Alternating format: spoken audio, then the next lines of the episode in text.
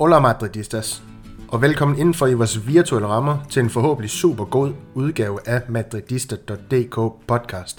Mit navn er Daniel Andersen, og denne uges podcast bliver en omgang pingpong mellem undertegner og altid velforberedte Malte Geil Bosen. Velkommen til, Malte. Tak lige måde, Daniel. Og Malte, for at vi lige kan komme i gang, så er Real Madrid de er jo 8 for 8 i indeværende sæson indtil videre. Altså 8 kampe, 8 sejre. Øh, vi skal snakke om de to seneste kampe i den her podcast, men hvordan har du sådan i helt grove træk, jeg ved godt, du godt kan lide at, at sådan gå i dybden med, med, med de spørgsmål, der bliver slynget din vej, men sådan i grove træk, hvordan har du så oplevet Los Blancos start på sæsonen, og måske også sådan Carlo Ancelottis øh, forvaltning af, af spillermateriale indtil videre? I grove træk, Malte. Øh, uh, grov træk, så øh, synes jeg, at uh, Ancelotti han har kørt nogle gode rotationer, og der er mange spillere, udover kun de første 11, som, uh, som får noget spilletid og allerede har spillet en, en god rolle. Uh, jeg synes, vi er kommet ind i en periode lige nu her med de seneste par kampe, hvor det, at det ser lidt sløvt ud, og vi får alligevel sejrene, og det tror jeg ikke kommer til at kunne række i en hel sæson, men altså det er selvfølgelig stærkt med, med, med otte sejre, men så godt nok kun med, med tre rene bur, og det er måske også et, et, et lille problem for Real Madrid lige for tiden. Ja, øh, lige præcis, men der har jo været en, en super solid sæsonstart, en af de bedste, jeg kan huske øh, tilbage som, øh, på som, som Real Madrid-fan, i hvert fald resultatmæssigt, så kan vi altid, og det kommer vi også til i, i den her øh, snak, dykke lidt ned, mere ned i de her detaljer, der er i kampene, om det egentlig spillemæssigt øh, går hånd i hånd med de resultater, der har, har været, øh, særligt på de to kampe, den her mod Mallorca, og så den mod Leipzig, og så skal vi jo have en lille optakt sidst i podcasten her, for at se om de, de kan bygge videre på succesen, i hvert fald gætte på, om de kan, når de møder Atletico Madrid i det her El Derby Madrileño på Civitas Metropolitano søndag den 18. september klokken 6. Og det er jo som sagt også en kamp, vi kommer til at snakke om i den her podcast. Men jeg synes egentlig bare, at vi skal forsøge at og dykke lidt mere ned i de her par kampe, Malte, som, som vi har på tapetet, startende med den her kamp mod Mallorca, der er jo et eller andet sted som, står som sådan en eller anden fjern fortid efterhånden, fordi at, altså, sandheden er jo, at det er jo et tæt pakket program, ikke kun for Real Madrid, men altså, der, der er rigtig mange kampe, så bliver der aflyst lidt i England nu, og, og hister her, men der er stadig rigtig mange, også europæiske kampe hele tiden, man, man, man kan se i flimmerkassen, så det er sådan, det hele det overlapper lidt hinanden, og glemmer man det sådan lidt. Jeg ved i hvert fald, jeg har og det er måske også lidt nørdet, men jeg var nødt til at se Mallorca-kampen en gang mere, for lige at være sikker på de, de sådan mest væsentlige ting, og det er sådan lidt, når man allerede ved, hvornår der bliver score og de ting her, så se en kamp igen. Men det fik jeg gjort, det fik jeg passet ind, inden den blev fjernet på TV2 Play. Men Malte, udover det her tvivlsomme græstip, der var på Santiago Bernabeu, både, både mod Mallorca, men også mod Leipzig. Hvad, hvad var det så for en, en, en kamp, som vi, vi så mod Mallorca? Jamen, øh, jeg synes jo ikke, vi så øh, altså det bedste Real Madrid-hold. Øh, det var jo den første kamp, vi skulle spille uden Benzema fra start. Øh, der spiller vi med Hazard, og jeg synes ikke, han har nogen, øh, nogen god kamp overhovedet. Øh, han får godt nok ros af Carlo Ancelotti efterfølgende, men, øh, men han var meget usynlig, og det kan godt være, det ender med at være en kamp, hvor vi vinder meget stort på både possession og på skud og så videre. Vi vinder jo skudstatistikken 22-5, og possession, der har vi 68 procent. Øhm, men altså, vores føringsmål kommer jo ret sent i kampen, og så ender det med at snyde lidt, at vi vinder 4-1, fordi øh, jeg sad faktisk og havde nogle lidt dårlige fornemmelser. Altså det har vi nogle gange snakket om, at man, man nogle gange har siddet med en lidt bedre fornemmelse. For eksempel imod Betis, hvor den står 1-1 i pausen, der mm. synes jeg, jeg havde en okay fornemmelse. Altså den, den kan vi godt gå hen og vinde den her. Men i, imod Mallorca, hvor der var så meget drama, og Real Madrid-spillerne gik med på det der drama med, med Mallorca-spillerne og hisser sig op, og Vinicius, der ligger og smider sig på to gange streg på hjørnespark-situationer, Altså, der havde jeg ikke helt den samme fornemmelse, altså, fordi der blev simpelthen, altså det der, u, øh, det urytmiske, det gavner jo ikke Real Madrid. Øh, og det var der meget af i den her kamp, synes jeg. Og, øhm, og det var da godt, vi fik scoret inden pausen, altså et øh, fantastisk mål af Fede Valverde, fordi ja, det, kunne, det, det kunne godt have været sådan en, øh, hvor man virkelig skulle, skulle løbe langt efter det, men, øh, men så kommer det selvfølgelig i anden halvleg, og så kommer der virkelig mange mål, virkelig flotte mål også. Det må man også sige er, er et, et stort tema for den her kamp. Ja, hvis vi lige hurtigt skal, skal, skal med startopstillingen her, som vi også plejer. Øh, tak fordi du lige tog os øh, sådan i går træk gennem kampen. Vi kommer til at dykke mere ned i den med Courtois på kassen her, Cabral, Rüdiger, Alaba, Mandi i forsvar, Kroos, Valverde og Ceballos på ja, den centrale midtbane, så Rodrigo, Vinicius og Hazard i angrebet. Målskunden for Real Madrid, det blev Vinicius Junior, øh, Valverde, Rodrigo og Rüdiger. Og så var det en kamp, hvor vi var uden Militao og Benzema og Benzema. Det kan måske også blive et tema i snakken, fordi det kan jo også være en af grundene til, at vi havde det svært mod Mallorca, især fordi Hazard, jeg ved ikke, om du har noget på ham på den kamp her, men han ramte jo heller ikke øh, den i røven, for, for at sige det mildt, mod, mod Mallorca. Han, han spillede jeg ved ikke, om man kan sige, at han spiller under niveau, men han spiller i hvert fald ikke godt. Han, han tog ikke de her, her gode takter for den her Celtic-kamp, øh, hvor han leverede fint med et mål og en assist ikke, øh, med sig ind til, til Mallorca-kampen her, hvor Ancelotti jo færre nok gav ham chancen, men det, det forvalgte han jo så ikke til UG kryds og slang. Det, desværre, men, men ja, jeg er fuldstændig enig. Altså, jeg, jeg synes jo egentlig, at Real Madrid, de, ja, som du siger, vi har bolden meget, vi får spillet bolden øh, rigtig, rigtig fint rundt også i første halvleg, synes jeg, men egentlig uden at være, være chanceskabende på, i et eller andet omfang. Jeg kunne godt tage mig selv lige at tænke, at ja, det var søvndysende, det gik måske også for langsomt i virkeligheden, den måde bolden blev distribueret på. Øhm, selvfølgelig skal man også være dygtig til at holde bolden i egen række, men, men når det kun er i egen række, og man måske ikke har progression så meget i spil, så, så, så kan det jo ikke være det samme, men så sker det jo ikke så meget farligt offensivt, øh, og man får ikke slutprodukter. Det var skud for distancen også i første halvleg. Selvfølgelig et af dem står så i kassen, men det kan vi jo komme ind på. Mallorca havde også nogle, nogle tilbud, særligt også i kampens åbning, noterede jeg mig, de havde, de havde sådan et, øh, en lidt halvstor chance, hvor de også kunne gjort, øh, gjort noget. Ham her, den uortodoxe Morigi, eller, han, mm. han, han forvoldede på en eller anden måde bare vores øh, forsvar sådan lidt, øh, lidt halvstore problemer. Hvordan, øh, hvordan oplever du den duel mellem forsvar så, så ham sådan, i, måske særligt første halvleg, fordi man kan sige, at i anden halvleg, der Mallorca stod jo lav blokker, de ting her. Jamen, det er sjovt med Moriki, fordi jeg har jo hørt en del øh, sådan Mediano-podcast, hvor det, der Itali- eller øh, ekspert på italiensk fodbold, han har virkelig været efter ham. Altså, benævnt ham som den dårligste fodboldspiller nogensinde nærmest ikke. Altså, han scorede kun to mål på sådan omkring 50 kampe for Lazio. Men han har jo vel scoret, øh, jeg tror før Real Madrid-kampen her, så, så han scoret i hver tredje kamp for Mallorca, sådan noget 7 på 21 eller sådan noget, så vidt jeg husker det.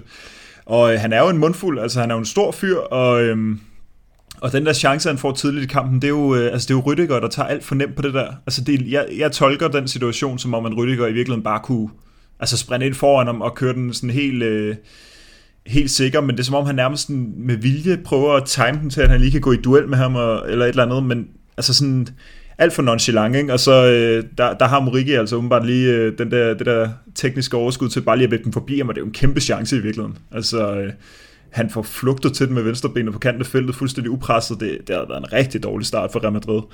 Og så, så ender han jo så med at få scoret, men det er jo også, altså, øhm, Real Madrid, altså hvorfor, vi, der er altså nogle, øh, der er nogle virkelig sløsede fejl hmm. for Real Madrid for tiden. Det var også en sløset kamp, vi går mod Leipzig, men det her med, at han bare ikke bliver dækket op, altså at Mandi, han bare sådan lidt bakker ud i det område, hvor bolden kommer, uden at rigtig at orientere sig om, hvor at Muriqi er løbet hen. Altså, man kan ikke bare tage, det, tage så, så, så let på det. Altså, en kæmpe stor angriber, der får lov til at hæppe på mål, hvad, 2-3 meter fra, fra kassen. Det dur jo ikke. Altså, det er nærmest det eneste, man skal holde øje med på det der, på det der, det der ja, frispark er det jo så efter Valverde måske lidt tvivlsom for det begået øh, for enden.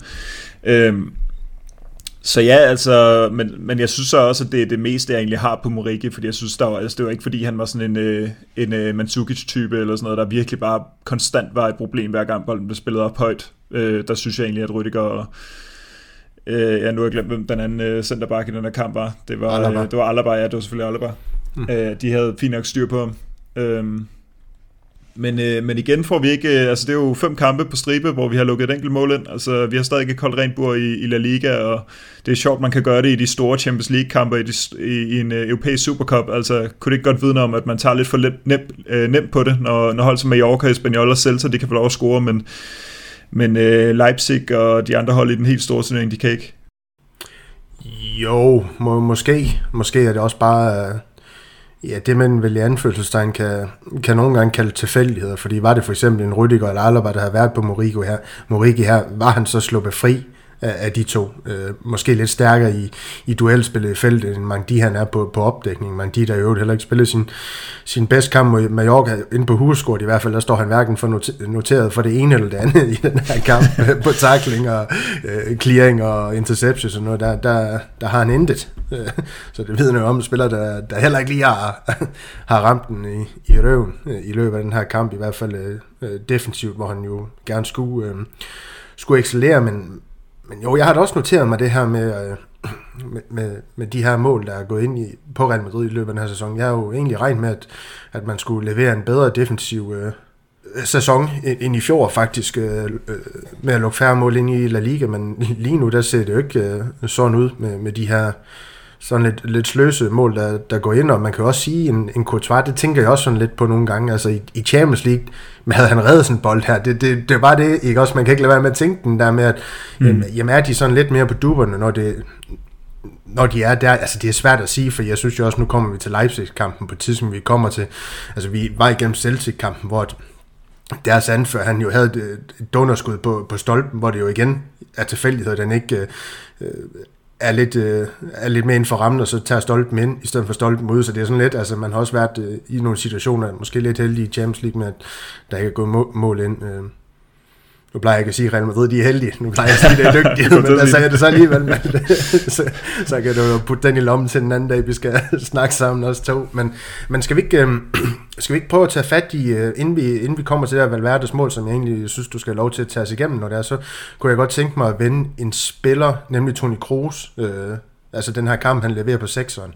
Øhm, fordi sådan som jeg har tolket Carlo Ancelottis øh, ord, det ved jeg også, du har, så bliver det ikke, øh, så bliver det ikke sidste gang, vi kommer til at se ham øh, til at øh, se ham spille den her position. Man kan jo godt forestille sig, netop med hold som Mallorca måske, altså øh, Cardis, altså de her lidt mindre, er der ikke også Elche, altså de her lidt mindre hold i, i La Liga, når en Chomini han måske lige skal have et hvil, eller, eller et eller andet, en Kroos så kommer til at rykke derned. Øh, så vi kommer til at, til at se det mere og mere, og måske også i næste sæson, når, hvis Kroos stadig er her, at han skal længere ned, fordi han også mister endnu mere af den sparsomme dynamik, han i forvejen har. Men altså, hvordan synes du, han, han løste, øh, løste den her rolle på sekseren, isoleret på den kamp her mod Mallorca? Ja, men først og fremmest så, så er det jo rigtigt, altså Ancelotti har jo allerede fra starten af den her sæson, også da vi hentede Chomini, har han nærmest sådan demonstrativt hele tiden nævnt Toni Kroos som en mulighed på den der sekser. Ja. Altså som om vi ikke skal, vi skal ikke blive forvante med, at det skal være Casemiro på det tidspunkt, og så også Chomini, men at det også, også kunne være Kroos. Øhm, altså, og, og han har jo sagt, at det handler om, hvad for en slags kamp det er. Mm. Og han har, han har nævnt, at når, når vi er i kontrol, så kunne, så kunne Kroos øh, sagtens øh, varetage den rolle der. Og en hjemmebanekamp mod Mallorca, det, øh, det er altså oplagt lige til det der. Øhm, og han gør det jo rigtig, rigtig godt, synes jeg. Nu synes jeg næsten, du skal have lov til at sætte de fleste roser på ham, Daniel. Han er jo, han er jo din mand, mere end han er min. Øh, men, øh, men jeg synes, han gjorde det rigtig godt, og han, han, øh, han lå ved siden af Ceballos, som øh, jeg har noteret mig, han, øh, han, han tager så mange dueller, Ceballos. Altså, han, øh, han er inde i 14 dueller på jorden, øh, og Kroos er inde i sådan noget, ja, hvad er det, sådan noget 6-7 stykker, tror jeg det er. Øh, så han har altså også en kriger liggende ved siden af sig, som også, øh, som også hjælper til. Men Kroos ja, isoleret set. Ja, ja Valverde selvfølgelig. Ja.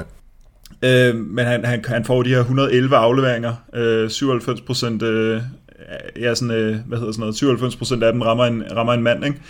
Øh, det er 42 flere end nummer to på listen. Det er med med en, øh, en forskel, der ved noget. Og øh, 130 touches, og så får han så også sin, øh, sin assist til sidst, ligesom man gør imod Leipzig. Så så jeg synes, en, en vild kamp. Altså han har 12,2% af boldbesiddelsen i denne kamp. Ja. En, en, øh, en, en kamp, hvor 22 spillere starter på banen, når der kommer hvad, en, en 10 stykker, op mod 10 stykker ind i løbet af kampen. Og så har han, øh, ja det var så kun fire, det kan vi komme tilbage med, med Asensio selvfølgelig, øh, for Real Madrids vedkommende, men 12,2% af, af, af boldbesiddelsen, det er, det er godt nok meget.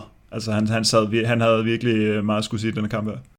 Og det var nok også i virkeligheden den statistik på den kamp her, der, der slog mig allermest, hvor meget spil, der går igennem Toni Kroos. Altså det er ret voldsomt, øh, hvor vigtig han i hvert fald gør sig, når han er på banen, men egentlig også, og det, det må jo være noget taktisk, når så meget spil går igennem. Øh, altså, han er så meget på bolden, øh, kan man sige, berøringsmæssigt.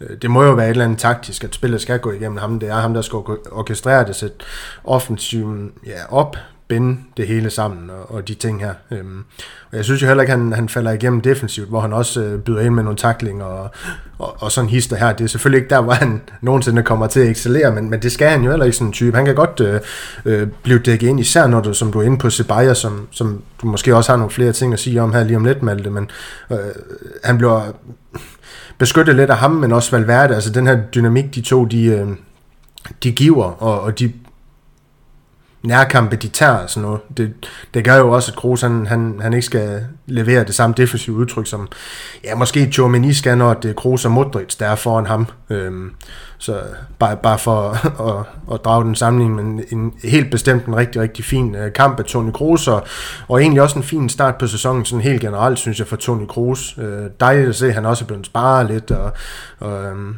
og, og kan, kan på den måde holde sig fedt for fejl, og forhåbentlig levere de her fin, fin præstationer nu, når der, der, der er brug for ham i, i, i den her slags kampe. Men Ceballos øh, kamp på 8'eren her, Malte, han høster roser, han har høstet roser på også vores forum, det er ellers en, en sjælden ting, man, man gør det derinde, eller spillerne gør det derinde.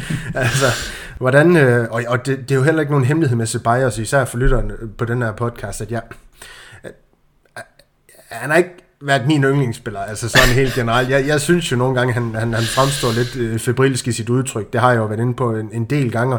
Men, men han skal have ros for, selvom at han, han også kan miste bolden, så er han dygtig til at vinde den tilbage, øh, når han har mistet bolden og sådan noget her. Så der er meget arbejdsgiver, og det sætter man jo også pris på på Santiago Bernabeu. Det må man ikke undervurdere. Det er ikke altid kun det her tekniske, flotte udtryk, man, man honorerer med klapsalver. Det er også øh, øh, fight og ja, den her metodisme, vi snakker meget om, at, at man gerne vil det og kæmpe for logo og sådan noget, det gør Ceballos jo, det er også derfor, han har vundet den her, øh, det her indpas i truppen lige pludselig, Malte. Altså, han, han fremstår jo som spiller, man, man faktisk gerne vil se øh, på banen, frem for en spiller, man, man vil have ud af klubben.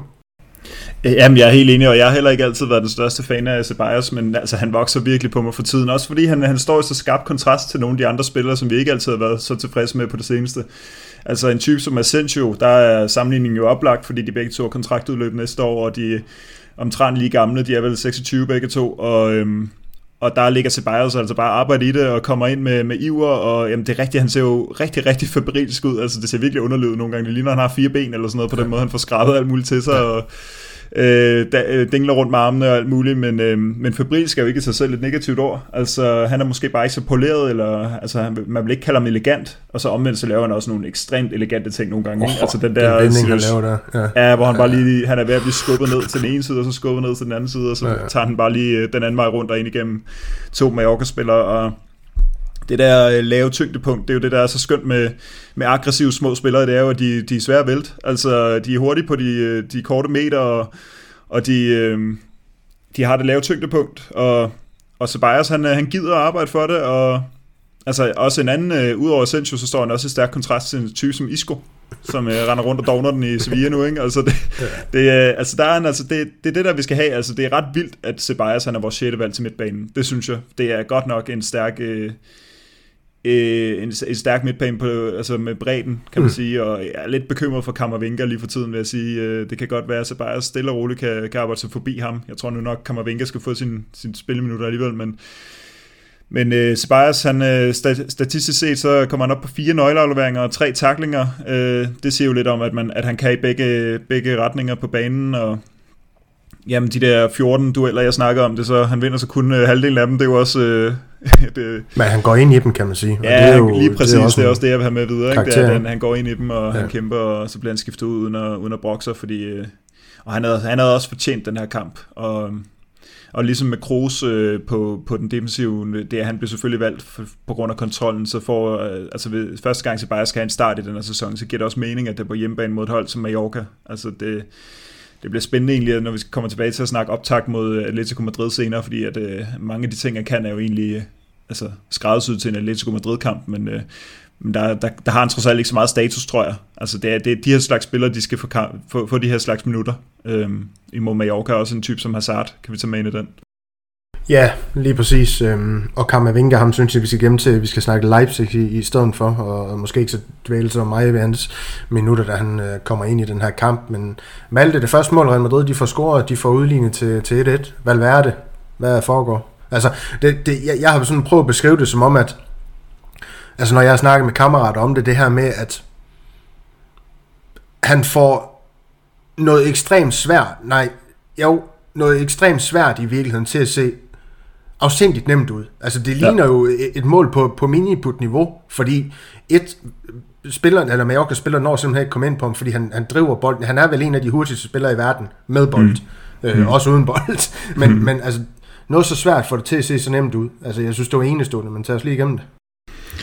Jamen det der sker, det er jo, at uh, Ceballos han får sit nemmeste assist nogensinde, fordi han, han spiller jo med, altså Courtois han triller bolden ud til Ceballos helt ned foran sit eget felt, og så bliver bolden bare spillet videre til Valverde, og så tager han bare derfra, ikke? Altså, og, og det er, som du siger, altså det er også det der med, han er jo hurtig, altså man kan jo se, de halser jo efter ham, når han først er udenom dem, de der Mallorca-spillere, altså, men det, det er fordi, han har de der lange ben, så det ligner næsten, at han ikke engang er sådan, altså højere op end i sådan noget 70% af sin fart, eller sådan noget. men øh, han kommer udenom, og jamen, så trækker han bare ind i banen, det var også bare det, han sagde efter kampen, øh, altså, øh, ja, altså jamen, de presser mig ud, jamen så løber jeg derud, jamen så, så presser jeg mig ind, jamen, så løber jeg den vej, så sparker jeg på målet, så, så siger han bagefter, at det er et holdmål. At det, er, det, er, det, er det sidste, der er det der. Det, der, der er der ikke noget hold over det der. Der er ikke nogen, der gør noget for dig. Du, du gør det helt selv, men... Øh, men det er jo et vildt mål, altså det er, det er jo også to af de ting, han kan, altså det viser sig jo det der kraftfulde udtryk, han har, både med, både med at løbe med bolden, men også med at, at sparke hårdt, og så med begge ben, altså to kampe i streg med et, venstre ben, et mål med, med venstre ben, og nu knaldhårdt sparket ind begge gange, og han er oppe på tre mål i sæsonen, det er tre gange så mange som i hele sidste. Så øh, der sker nogle ting med Valverde lige nu, og altså han, han fylder bare så meget. Altså det, det er et virkelig vildt mål, og det er også fedt, at, han, at de går ind, fordi det er jo det, vi har snakket om fra starten af sæsonen, altså når de begynder at gå ind, så, øh, så må der komme noget, øh, noget slutprodukt på ham, fordi han har bare virkelig de der, øh, altså potentiale til det, ikke? Ja, lige præcis. Jeg har lidt en fornemmelse af, at ham er, han, er, han er ved at hvis ikke han havde vundet indpas, så er han i hvert fald ved at vinde indpas i alle uh, Madridisters hjerte, fordi at, uh, han spiller med hjerte, og, og når han så også får bygget det her slutprodukt på, uh, ja, på sit spil, så bliver han jo bare Ja, fuldstændig vanvittig. så han er, mm. han, er, han er lidt der, hvor jeg vil kalde ham verdensklasse nu, altså når han, når han leverer de ting her. Og så ved jeg godt, man kan sige, at han skal ikke spille til højre, han skal spille centralt. Men ja, der hvor jeg er med Valverde, han skal bare være på banen. Øhm, selvfølgelig ikke på højre bakke, de ting her, som vi også nogle gange har set ham spille, men, men, men øh, flyde der omkring, hvor han kan trække ind i, øh, eller være inde centralt og hjælpe til for højre kanten og de ting her, så, så er jeg egentlig ganske tilfreds. Han skal bare, han skal bare være på banen, så, så har Real Madrid en chance mod, mod nærmest alle hold, i min optik. Øhm, for han kan matche så, så, så mange spillere i, i virkeligheden, øh, med, med de kvaliteter, han har. Men øhm, lad os øh, hoppe lidt videre, Malte. Lad os hoppe videre til, jamen, jamen hvad skal vi hoppe videre til? Vi skal have snakket om Rodrigo, skal vi ikke det? Øh, jo, Skal vi ikke have, have, have snakket om ham? Øh, både fordi han jo leverer en assist, hvor Vinicius selvfølgelig også... Øh, får sat en, en, en forsvarsspiller noget så eftertrykkeligt, og får sat den ind med venstre, men, men, men også det mål her, han får lavet, og det er jo ting, der bliver lavet i kølvandet på, at han blev rykket fra højre kanten og ind centralt, mere centralt i hvert fald. Jeg ved godt, man kan altid diskutere, hvordan øh, øh, man kan sige, øh, Rodrigo han fortolker højre kanten, for jeg kan jo se på en heatmap, at det er meget sådan overalt i offensiven. Han har ikke mm. røde områder, ligesom Vinicius, han har røde områder til venstre. Dem har Rodrigo ikke til højre, når han spiller højre, højre kanten. Og det er der, hvor man kan sige, at han emulerer måske Benzema spil lidt ikke, ikke til UG og sådan noget der, men han er meget sådan samt, han vil gerne ned i banen, han vil gerne have berøringer på bolden, han vil gerne deltage i opspil og de ting her. Og man så lidt af i, i den her kamp mod Mallorca, særligt da han blev rykket ind centralt, hvor jeg synes, at han, jeg ved ikke, hvad jeg synes til at starte med med Rodrigo, jeg synes faktisk ikke, at han, han, han, han spiller den bedste kamp øh, de første 60 minutter i virkeligheden, og det er jo først den sidste halve time, hvor han brænder banen af. Jeg ved ikke, hvordan du oplever ham. Nej, det synes jeg egentlig, øh, det kan jeg godt gå med på. Den, øh, Altså det, det han så, den måde han brænder banen af på, er så godt nok rimelig vildt. Altså ja, holdt der op en assist og en, øh, og et mål også. Altså, det, det er mærkeligt det her, ikke? fordi vi, vi får personlighedsforstyrrelser på den måde, vi skal sidde og snakke positivt om Rodrigo, og så snakke tilsvarende negativt om senere, tænker jeg. Men, ja, ja. men, i, den her, men i den her kamp, der, øh, der lykkes han med 7 af 11 driblinger. Det er lige så mange som Vinicius, eller jeg tror faktisk, Vinicius lykkes med en enkelt mere, men, øh, men det er meget, altså for en type som, øh, som Rodrigo, altså øh, og han, ja, jeg har også noteret, at han kom op på 30 ud af 34 afleveringer. Det er faktisk rimelig højt, øh, fordi jeg har ofte kigget på de her statistikker, når vi skal snakke efter kampene med Rodrigo. Det er faktisk ret sjældent, at han ligger særlig højt på, på afleveringer. Altså det er som om, han, han på en eller anden måde har en tendens til ikke at være så meget med i kampene. øh, eller også er det fordi, han, han, altså når han så egentlig har den, så driver han lidt mere, og så kommer der ikke så mange afleveringer på hans, øh, på hans spil. Men i den her kamp, der ender han med at, at faktisk være ret involveret, og, og den måde, han blev involveret på, altså det er jo derfor, vi skal snakke om ham, fordi altså den måde, han...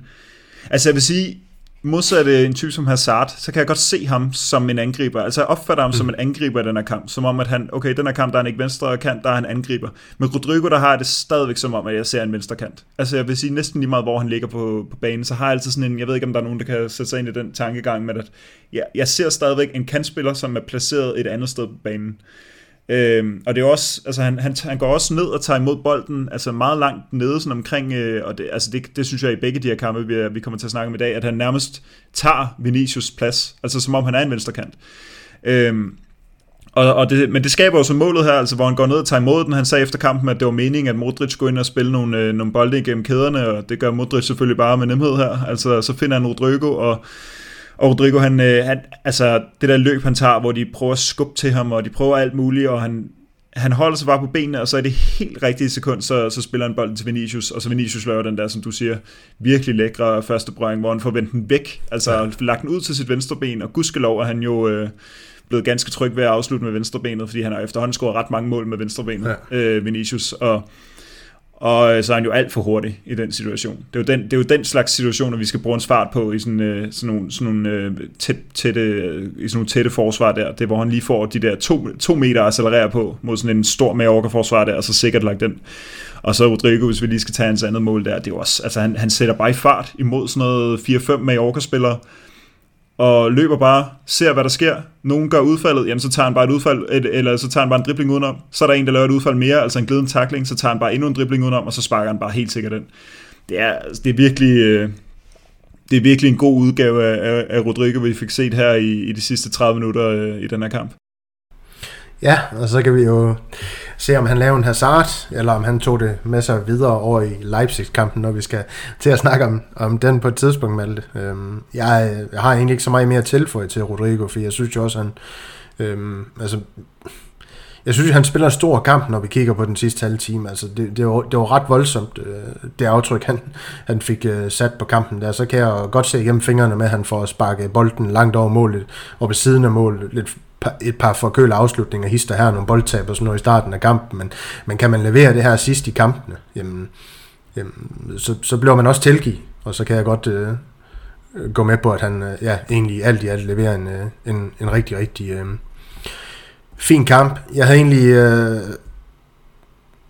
tænkt lidt på, om vi skulle dvæle ved det her med Vinicius og, og, og og, og, og den her måde, øh, nu har jeg valgt at, at lægge det op til det modstanderen, der, der, der behandler ham sådan lidt halskidt. Øh, også det her med, du har sikkert selv læst det, at øh, uh, Agire, træneren, Mallorcas træner, skulle have uh, animeret sine, sin spillere til at øh, uh, takle ham hårdt og, og, og de ting her. Altså, for mig der lyder det jo, jo helt, ja undskyld jeg siger det, men helt sindssygt, at, at man som modstanderhold vil ind og skade en, en, en modstander. Det er jo ikke det, det handler om fodbold. Altså jeg ved da godt, Benitez, han måske kan være en pain in the ass, fordi han også godt kan lide at, og, og, altså han søger det spektakulære på banen, hvilket også godt kan ydmyge modstanderen.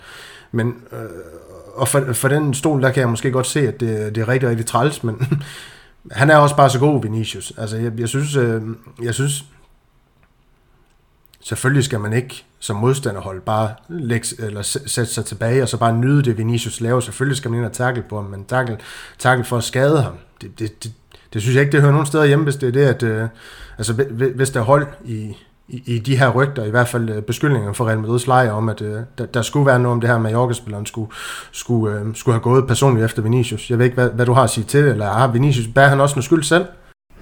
Altså lige det der med Mallorca-bænken og trænerstaben og spillere og sådan noget, altså det, det har jeg ikke så meget at sige til, fordi jeg tror jo i virkeligheden, man kunne finde nogle groteske eksempler i rigtig, rigtig mange forskellige kampe, hvis man valgte at, altså, mm. at sætte lys på det. Altså så det, der, der, der er det bare os som, øh, som, øh, som læser og som fodboldelsker, og så hører vi det, og så, så bliver det en historie og så videre. Ikke? Så ja, ja, det vil jeg nu egentlig ikke, der, der har jeg ikke, det har ikke så meget at sige til, fordi jeg tror, der er mange sådan nogle eksempler.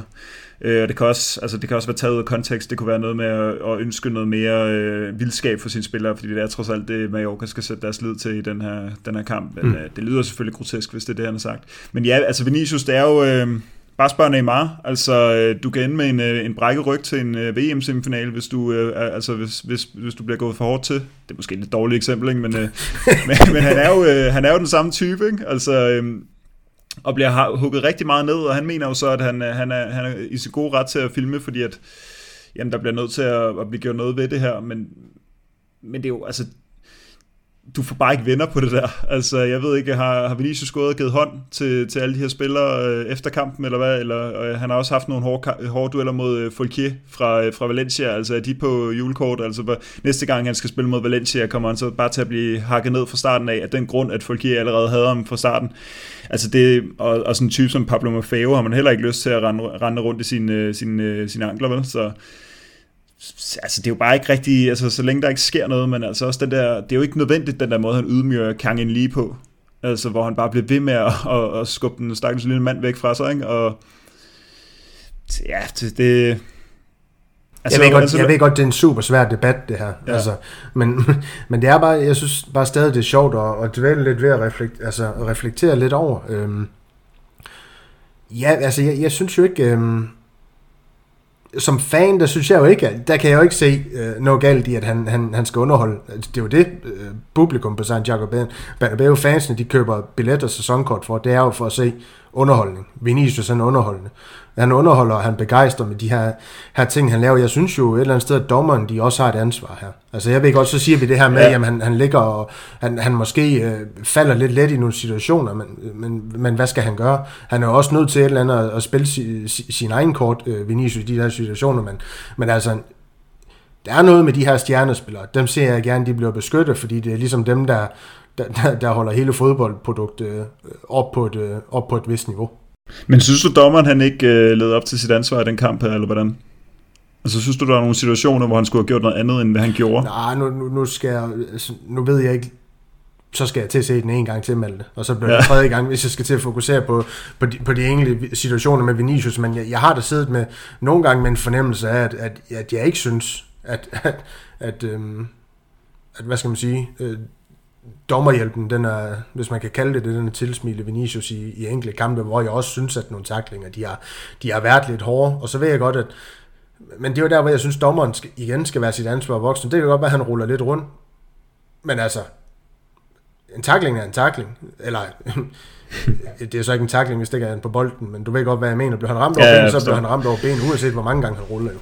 Ja, det, det kan jeg også godt følge af, men jeg, jeg vil stadig sige, øh, altså det der med at trække ned i banen og stå og, og altså det der, altså Kang Kangeli-situationen igen, sådan nærmest omkring Real Madrids, altså, eller omkring øh, midterlinjen, altså hvor der ikke er nogen far på færd, og du kan bare trille den tilbage til Rüdiger, altså så vil han spille den videre. Altså det der, det, det er unødvendigt. Det synes jeg faktisk, altså hvis jeg skulle sige noget, øh, det, det, det, altså det er heller ikke underholdning. Det er underholdning, at han gang på gang udfordrer det, sin direkte, øh, altså oppasser, men, men det der, sådan, det, det, tank, altså det tenderer sådan lidt øh, ydmygende, altså, fordi Kangeli går også kun, altså der er heller ikke nogen grund til, at Kangeli skal vinde lige præcis den takling, men det er sådan, der, der kommer bare noget adrenalin op, som, som gør folk dumme, ikke? Altså det, og det kan altså godt, øh, altså nu, han er jo gudskelov ikke blevet øh, alvorligt skadet siden sin første sæson der mod Ajax i den første øh, 8. finale, så vidt jeg husker det, men altså sådan muskelskadet eller, eller noget af den dur, men, men altså han, kan, han er jo ikke, øh, han er jo ikke øh, lavet af jern, altså han kan sagtens få en, øh, en hård takling ind på, på anklen, og så, øh,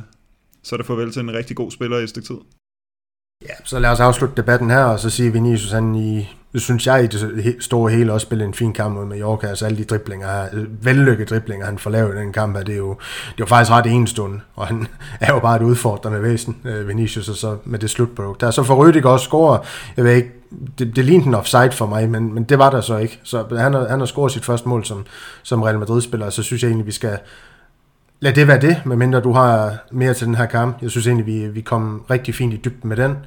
Parker La Liga-snakken, og så skal vi jo videre til Champions League, hvor Real Madrid også spillede en kamp, hvor Real Madrid også gjorde ren bord, hvor Real Madrid de redde den spanske ære, nu når Atletico Madrid og Barcelona de ikke kunne slå de tyske hold. Atletico Madrid de tabte 2-0 til Leverkusen, og Barcelona det samme til Bayern München.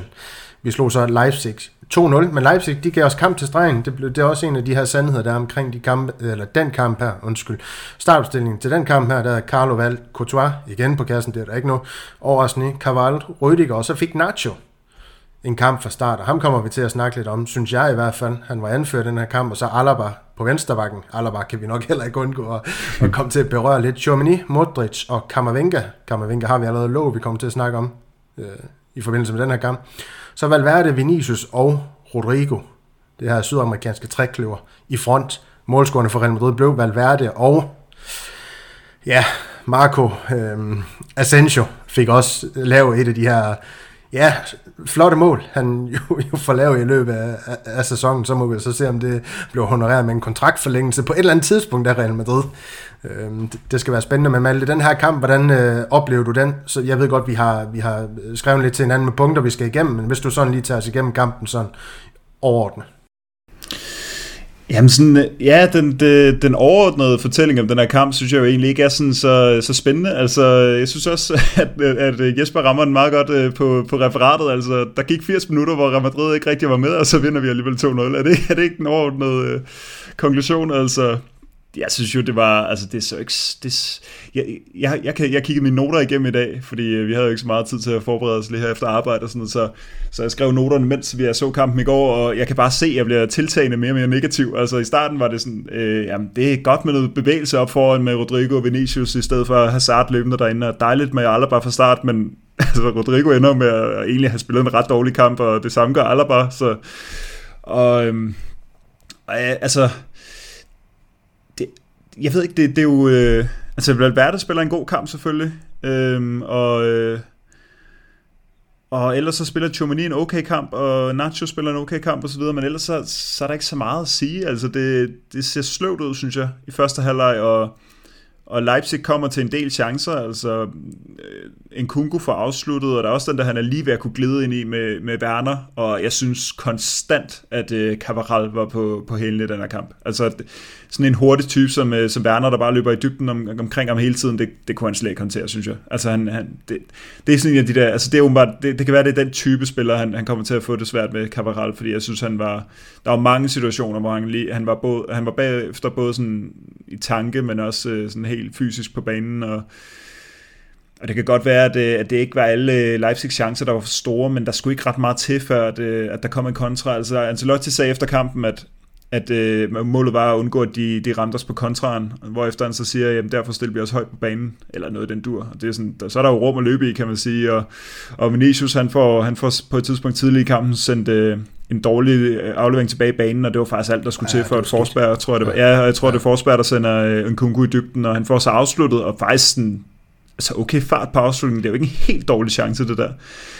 Øhm, og, og, Leipzig, øh, og Leipzig har nogle andre situationer, også sådan en situation, jeg tror det er Werner ude til venstre, der får spillet tilbage til Forsberg, der bare får lov til at afslutte, og så er det en dårlig afslutning, ja ja, men, men han får stadig lov til at afslutte meget tæt på mål, og jeg ved ikke rigtig, hvorfor det er, at, altså det er altid svært sådan at fordi de løber jo alle sammen tilbage, Real Madrid spiller. Jeg ved ikke, om de ikke løber hurtigt nok, eller om der er ikke nogen, der gider tage ansvar for, hvem der skal dækkes op, og hvem der skal gå i den osv., men men det, det er bare et sløset udtryk, og når man lige ser øh, højdepunkterne igennem, så er der jo mange, mange sekvenser, hvor Leipzig har meget bolden, og hvor Real Madrid sådan ikke rigtig kommer frem til noget. Så er der lige et, øh, et, et okay forsøg for Modric, og så, så er det lidt hister her, ikke? Rodrigo rammer ikke målet en eneste gang i kampen, og sådan, så så, så, men, at, men så vinder vi så selvfølgelig til sidst, og øh, det er, jo, det er jo fortællingen lige nu med Real Madrid, men altså, det kan jo ikke blive ved med at gå sådan der, at vi, vi bare kan sige, at jamen, Altså, når der er gået 90 minutter, så vinder vi i sidste ende. Det ved vi bare. Altså, det, det kan vi ikke blive ved med at sætte vores lid til. Nej, det siger du godt nok det kan du godt. Der er, nogle, der er nogle hold, der skal, der er nogle hold, der skal modbevise mig i hvert fald, men det jeg synes, og det, her tænker jeg ikke på, når øh, Leipzig, de, de vandt deres, øh, eller vandt boldene på Real Madrids banehalvdel i, i, i genpresse, men når de vandt måske, eller med en fejlholdning for Real Madrid på deres egen banehalvdel. Det her, der var store rum, synes jeg, mellem Real Madrid's forsvar og angreb. Altså det var der, hvor de havde mulighed for, for at udnytte det i, i, i forhold til, at du snakker med, med de her tilbageløb. Jo, Real Madrid spiller løb tilbage, men det var ikke sådan noget organiseret, hvis man kan sige sådan. Der var ikke sådan rigtig no, nogen plan med, med de her, hvem tager hvem og sådan nogle ting her. Men jeg synes så også en kamp som den her, og det er der, hvor hvis man skal klandre øh, Carlo noget, jeg elsker, at han roterer og bruger spillere, og en Kammervenka, han skal også have lov til at prøve den slags kampe her. Men den her kamp, den havde været skræddersyet til Toni Kroos, fordi han er så vanvittigt dygtig på bolden, øh, at det næsten er uhørt. Øh, ham, øh, og det er også derfor, jeg tror, at Alaba han spiller den kamp at Det er egentlig for at, og, og, og, og hvad kan man sige, øh, ja, hvad, hvad, hvad skal man kalde det? Altså det her med Kammervinga, han ikke er så god på bolden, så har du en derude til venstre, der er lidt bedre, eller meget bedre på bolden i Alaba. Alaba, han spiller så ikke sin bedste kamp, men, men det her med at sætte spillet for venstre, det er jo det, Kroos han plejer at gøre ved at trække ned på, på venstrebanken. Det har du så Alaba til i stedet for, så skal Kammervinga ikke øh, i hvert fald løfte det ansvar. Modric gør det til højre stadig selvfølgelig, men, men, men sådan en kamp som den her, i det høje pres, også øh, Leipzig, de, de, de gerne vil lægge, og så måske kunne have haft en Alaba ind centralt til at lægge de her bolde, som man jo er så vanvittigt dygtig til i, i dybden til Vinicius eller Rodrigo. Uh, you name it. Um, der, der kunne jeg godt have set en fordel med Kroos i den her gang, men som sagt, jeg elsker også, at Carlo Ancelotti han tager en øh, chance, øh, viser øh, Kammervenga, at han, han, han egentlig stoler på ham, at han kan løfte den her opgave. Øh, jeg synes Kammervenga, vi kommer til at snakke om ham. Jeg, jeg synes han offensivt, der, der spiller han ikke sin bedste kamp, men jeg synes egentlig defensivt, han stadig laver nogle fine ting. Det her med den måde, han får, så får han lige prikket en bold væk fra en, fra en Leipzig-spiller, der, der er i en gunstig position på kanten af feltet. Så får han sat nogle vigtige taklinger ind hister her. Altså der synes jeg egentlig, han, han er der med noget fint arbejde, men det er egentlig mere sådan omgang med bolden, så ved jeg godt, at han, han ligger på en fin afleveringsprocent i den kamp her, men det er på relativt få afleveringer, også få berøringer i kampen, så indflydelsesrig, det er han jo heller ikke på den måde, som man for eksempel ser med øh, Toni Kroos, øh, når han er det. Det var bare lige sådan nogle helt generelle øh, ja, overskrifter på, på, på, på det måske taktiske også udtryk, Real Madrid leverer, øh, som var ganske ganske sløvt øh, på dagen, men det, det lykkes jo alligevel med, med den her 2-0 sejr. Men, men hvad, hvad skal vi starte med at kigge lidt på, Malte? Altså, du, øh, du har også punkterne. Hvad har du lyst til, at vi, vi dykker ned i? Øhm, ja, men... Øh, jeg kunne egentlig godt tænke mig lige at kommentere på det, du sagde med, med Kammervinga, ja, fordi... Øh, vi kan også bare vende ham til at starte med. Altså, ja, ja, og så ja. måske bevæge os over på midtbanen generelt. Ja, lad fordi, øh, ja, lad os tage en generelt snak ja. om midtbanen så, fordi øh, vi snakker jo lidt om, om vi skulle øh, nu forberede os for inden kampen, så vi havde nogle, nogle, nogle punkter at snakke, snakke om, inden at kampen overhovedet startede, og der aftalte vi, at vi gerne ville snakke om noget, noget med, med midtbanens dynamik her. Mm. Og jeg synes, at det var, jeg synes jo, uh, Modric og Tchouameni, de, uh, altså, de, de overshiner lidt uh, Kammervenga i den her kamp. Der er også nogle, uh, nogle situationer, hvor at, uh, at Modric, man kan se han sådan... Uh, han beder Kammervenka om lige at tage det roligt, altså fordi at øh, kampen bølger lidt frem og tilbage, og Kammervenka får bolden, og med det samme kigger han jo op og vil sparke den fremad. Og der kan, man, der kan man næsten høre, hvordan Modric bare, øh, altså man kan se hans gestikuleringer, og man kan se, han bare, øh, altså slap af, kører den tilbage, og så kører den så tilbage, øh, ikke? Men det, det er jo, øh, det, det, er jo, det er jo selvfølgelig øh, på, på råd fra Modric. Og, øh, og Chomini spiller med, med overskud, og han gør sin ting. Han spiller ikke verdens bedste kamp, men han spiller en god kamp, synes jeg. Altså, det, ja. Jeg er virkelig imponeret over, hvor, hvor god han er øh, på bolden. Altså en ting er, hvor god han er på bolden, men en anden ting er, sådan, at det virker som om, han er så god på bolden, fordi han er så rolig op i hovedet. Altså, han, han tager gode beslutninger og sådan noget. Netop beslutningerne var egentlig det, jeg vil sige med Kammervenka, fordi det synes jeg, han, øh, han halter lidt på lige nu. Altså, jeg synes simpelthen, han tager dårlige beslutninger med bolden. Det kan godt være, du snakker om lidt dårligt med boldopgang, øh, boldomgang, og sådan noget, om Kroos kunne have gjort det bedre, men der er altså også noget med, at han tager nogle dårlige valg. Altså, den der situation meget tidligt i kampen, måske sådan noget 10-20 minutter, øh, hvor at, øh, han, han ender med den helt op i højre side, Kammervenka, og så øh, tager Rodrigo et, et løb sådan om bag ved 3-4 Leipzig-spillere, og så er det som om Kammervinke, han sætter sig for sådan inde i feltet og spille den igennem benene på hvad, en 2-3 Leipzig-spiller, det kommer aldrig til at lade sig gøre det der. Så, og så selvfølgelig rører den bare ind i forreste mand og hopper væk. Og der er nogle flere af de der situationer, og det er også det, som Modric han ligesom ser, inden at Kammervinka bare smider en bold frem i banen med det samme, han får den, så er det det der ro på, kør den tilbage. Ja. Øhm, og der synes jeg, at de andre to, de, øh, de spiller med, med mere overskud og sådan, øh, altså modenhed. taktisk, ja, modenhed og sådan ja. overblik over, hvordan kampen fungerer lige nu. Øh, og det er jo også, det er jo heller ikke tilfældigt, at det er Kammervenga, der bliver taget ud efter sådan en team der, fordi der er jo mange af de her kampe, som er sådan lidt låste, hvor man godt kan se, at Ancelotti han ligesom, jeg tror han ligger en værdi i, at, der, at, at de spillere, der er på banen, ligesom er inde i kampens rytme. Det har jeg i hvert fald nogle gange tolket som om, når man har haft de der kampe, hvor man tænker, hvorfor skifter du ikke ud? Altså nogle af dem er trætte, men jeg tror nogle gange, at hvis, hvis den er så meget på en knivsæk, så, så er det som om, at, at nogle af de her spillere nogle gange får lov til bare at spille videre, fordi at de ligesom er inde i dynamikken, eller hvad man siger. Men her der bliver Kammervinga altså bare taget ud, så vi kan rykke øh, Valverde en gang tilbage og, og sætte Asensio ind. Ikke? Og, og det tror jeg bare simpelthen fordi, at Kammervinga ikke, øh, altså det var ikke hans kamp det her, igen ikke. Øh, han har ikke fået den bedste sæsonstart selvom der stadig er meget potentiale i ham, kan man godt se. Men...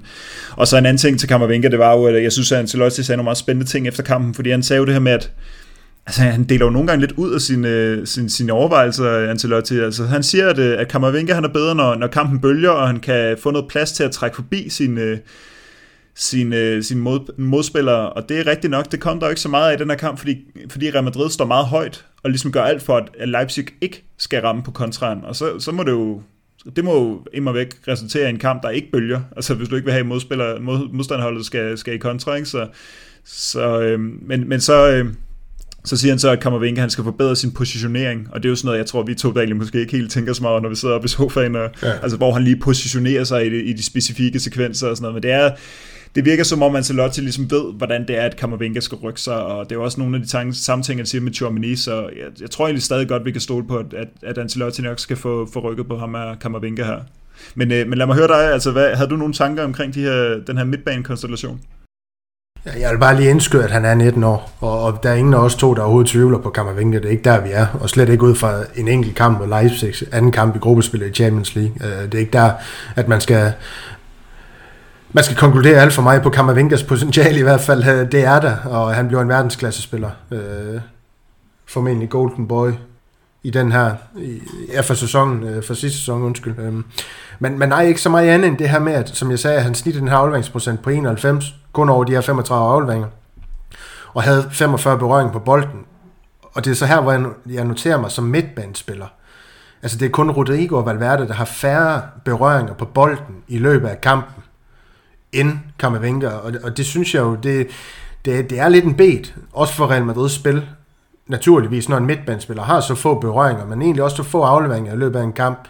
Altså det her med, jamen, vi snakker om, hvordan skal man distribuere boldene, og og sådan nogle ting her. Øh, så, så, så på den måde, der, der, der synes jeg selvfølgelig, det, øhm, ja, det, det er, det giver et lidt andet udtryk, når han spiller han ikke øh, i, i hvert fald har flere afleveringer og flere berøringer på bolden på, på Real Madrid's centrale midtbane. Og der, øh, det er jo så her, hvor så kan man sige at Chormini og Modric, så, så excellerer de jo selvfølgelig lidt mere øh, på, på de her parametre, og det er jo der, hvor de selvfølgelig også komplementerer hinanden fint. Øh, jeg ved så heller ikke, om jeg synes, Modric han nødvendigvis havde sin største kamp mod, mod Leipzig. Det havde han jo heller ikke. Ikke at man kan se, at han er 37 år overhovedet, for han leverer stadig nogle flotte ting i løbet af en kamp. Det er jo, det er jo sådan, det er med Modric, men, men, øhm, men sådan helt generelt, der synes jeg ikke, at, at den her midtbanekonstellation i den her kamp øhm, rammer den i, nu har jeg sagt røven flere gange i løbet af den podcast, der, ja, præcis, men, men det synes jeg, det synes jeg ikke, det synes jeg ikke, den gør. Jeg synes, øh, jeg synes der er problemer. Øhm, øh, men igen, vi skulle også øh, fokusere på øh, lidt, lidt, lidt mere på Tchouameni, holde lidt ekstra øje med ham, og, og som du siger, det er, det er super svært, fordi at man, når man begynder at tage notater, så, så er det meget sådan noget øh, positivt indtryk, og så kommer man længere og længere frem i kampen, og så, sådan lidt, så, så efterrationaliserer man lidt, så tænker man sådan lidt mere over, hvad, hvad var egentlig, der foregik? altså, var det godt? du ved, så, så skal man til at strikke alle ja. de her notater sammen, man har lavet, hvor det er sådan lidt, øh, og, og hvad for en konklusion kommer man så... Øh, så frem til, men øh, som jeg har skrevet, så synes jeg, at øh, Chomini, han startede kampen, og det har jeg skrevet super godt med, med gode defensive indgreb øh, og, og de, her, øh, de her ting. Og, øhm, og så synes jeg så, at han var en af de bedre på bolden mod Leipzig. Det jeg noterer mig i hvert fald til at starte med. Og det var egentlig sådan en generel ting. Men så lige pludselig, så, så stopper det også, at Real Madrid, de var gode til at håndtere Leipzigs pres. Jeg synes, at øh, øh, altså, de her Real Madrids boldholder, de var ok til at, til at spille sig ud af Leipzigs første pres, men, men så var det som om, da jeg har skrevet det notat, så vandt Leipzig lige pludselig nogle bolde i deres genpres, så er det sådan lidt, jamen holder det i forhold til, at vi skal til at snakke seriøst på en podcast og sådan noget, men whatever. Så havde han de her 75, og det er der, hvor det er 75 berøringer på bolden. Der er det jo igen her, der vil man jo gerne, fordi Chormini han er så driftsikker, at, at spillet det går igennem ham. Det har vi set i et utal af kampe nu. Altså han er jo en spiller, der både kan drive bolden, han har også driblinger på den sådan, altså defensive midtbane, hvor han rykker forbi spillere og sådan nogle ting her. Han, han er lidt en, nu, skal vi ikke kalde en, en så dygtig spiller uortodox, men, men han, han er lidt en atypisk, lad os kalde det, øh, øh, sekser. Øh, når man spiller ham dernede, de ting han kan, altså det repertoire han i hvert fald besidder, altså to vellykkede driblinger, skal en afleveringsprocent på 92 over 63 forsøgte afleveringer, samt de her to interceptions og to taklinger. Altså det, det er igen det her, det er bare en all-round solid kamp, han leverer, og det var også det, du sagde øh, om ham. Ja, man, præcis. Altså tredje flest berøringer af alle på banen for Real Madrid. Og det fortæller jo, som, som jeg har prøvet at sige flere gange, måske ikke sådan alt for godt, men altså det her ansvar, han, han påtager sig i øh, såvel det opbyggende spil, som, som, som det etablerer. Ikke også? Altså, det, det er bare en spiller, der... Ja, den her modenhed, han, han, han fører sig frem med, den, øh, det, det er faktisk... Øh, det er faktisk lidt øh, fantastisk at være viden til. Det er det sgu. Ja, Peters har ramt den lige i røven med at hente ham, ikke det? ja, men det er bare, jeg ved sgu ikke lige. Altså, man, man, der, er, der er nogle formuleringer, man kommer til at bruge uh, lidt flere gange end andre på, på de her podcast. Sådan er det. Sådan skal det også være. Men har du mere til dem her, eller skal vi prøve at, at kigge måske lidt på forsvar, inden vi så igen rykker ja, hvad blev det? Frem i, uh, frem i angreb, fordi vi er nødt til nok lige at, uh, at kigge lidt på Rodrigos kamp her også. Uh, nu roste vi ham mod Mallorca, men vi, vi skal også lige kigge på, hvordan han gør mod Leipzig, men, men, men egentlig også, hvordan det fungerede med de tre, tre front og sådan nogle ting. Ja, men lad os lige, jeg kunne jo godt tænke mig en Nacho, altså øh, en mindre de her få optrædende, han egentlig har haft her, her i sæsonstarten. Altså hvordan han, altså nu, nu har jeg snakket, nu synes jeg, jeg har snakket lidt meget, jeg skal ikke sige i røven længere. nu, nu er det jo, nu, nu er det jo bare en, en fodboldpodcast, så kan du ikke øh, starte med at åbne op øh, for, for Nacho? Jeg synes jo, han var en af øh, kampens øh, allerbedste spillere i virkeligheden.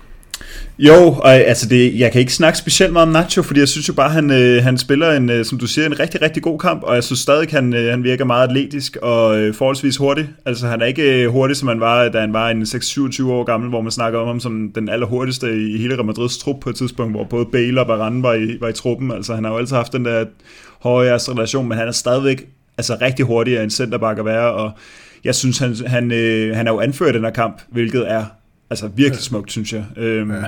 Altså ham og, ham og Modric med anførerbindet på, det, det, det kan altså noget. Det kunne også noget med, med Toni Kroos som, øh, som anfører imod Mallorca. Altså det, jeg er altså lidt... Øh, det, det, det, det kilder de rigtige steder, når vi, når ja, vi ser de her spillere med, med anførerbindet på, og, og jeg synes, at, øh, at Nacho faktisk... Jeg synes, der var et eller andet i hans spil, og hans udtryk generelt i den her kamp, der vidner om, at han faktisk var bevidst om, at han, at han havde anførerbindet på, fordi man kan jo sige, i Real Madrid er du ikke valgt til at være anfører.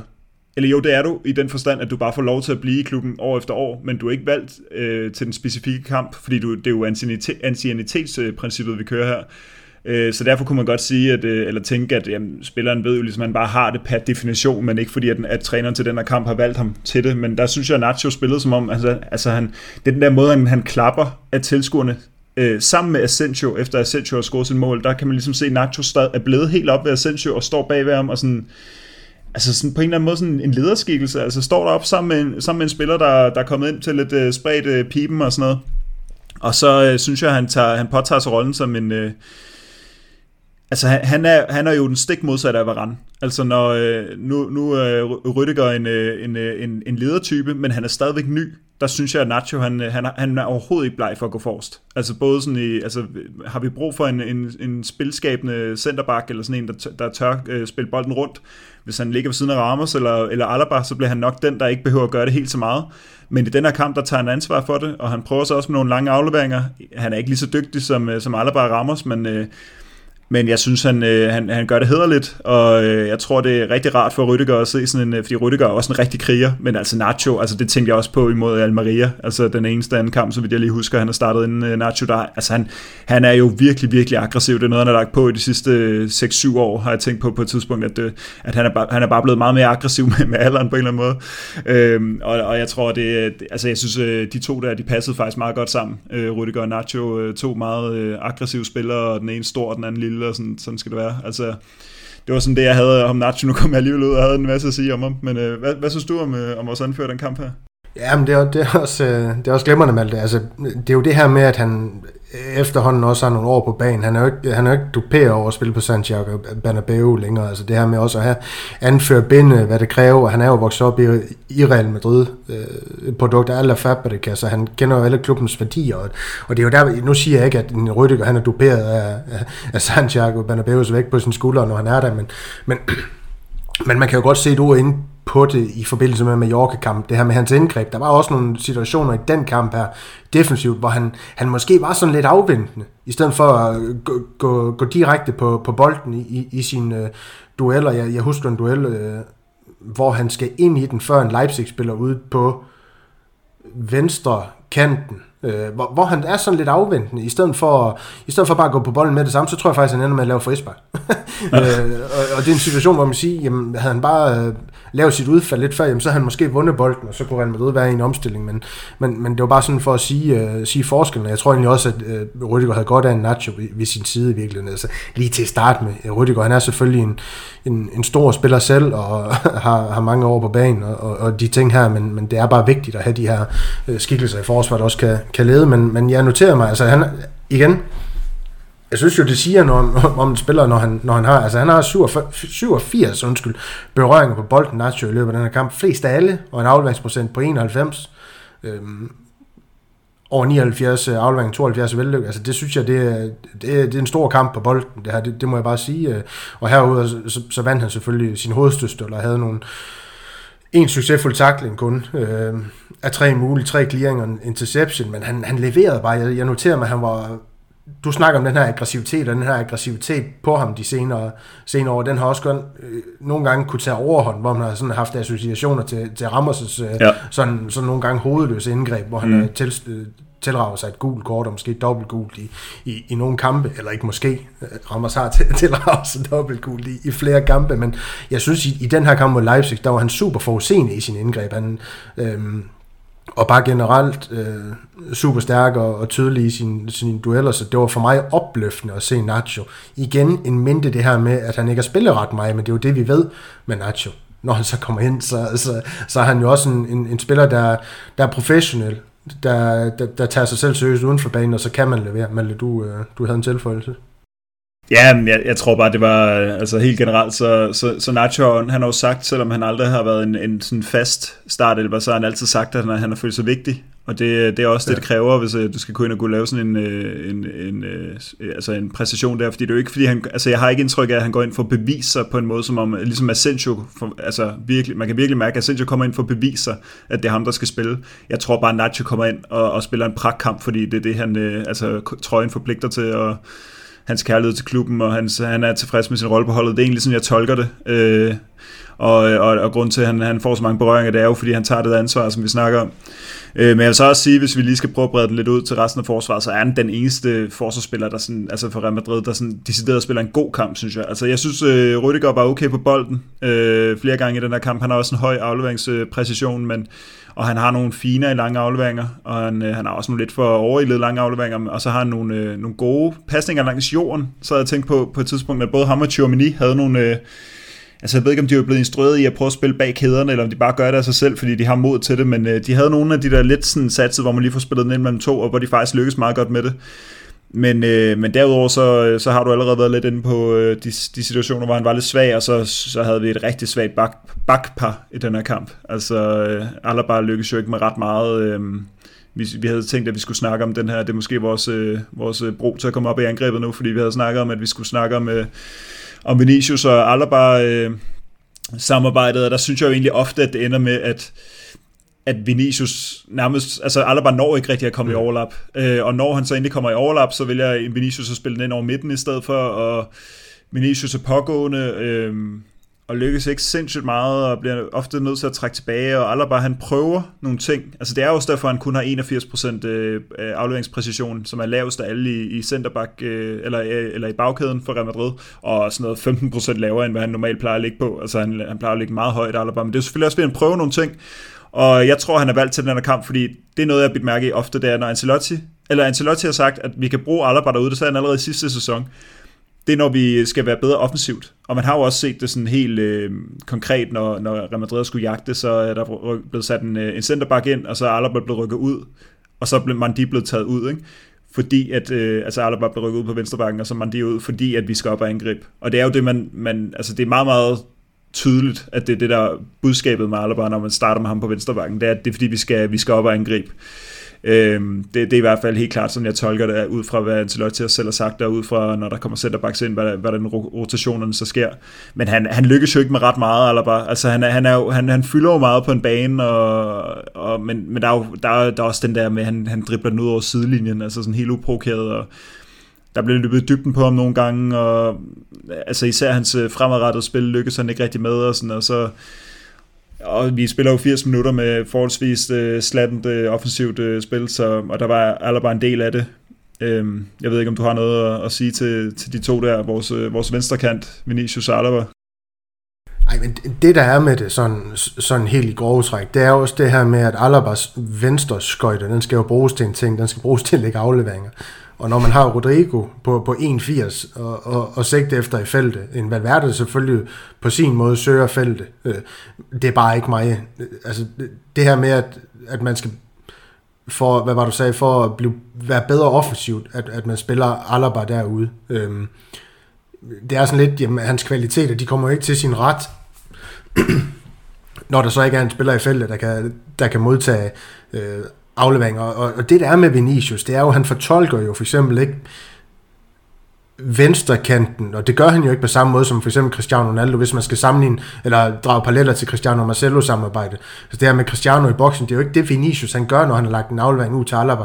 Vinicius han vil gerne have samspillet med en for eksempel angriber, for at spille sig ind i feltet, og så komme ja. fri, eller i en gunstig position og score. Mm. Og, det, og så kommer Alabas, øh, eller Alabas, så kommer Alaba jo heller ikke til sin ret.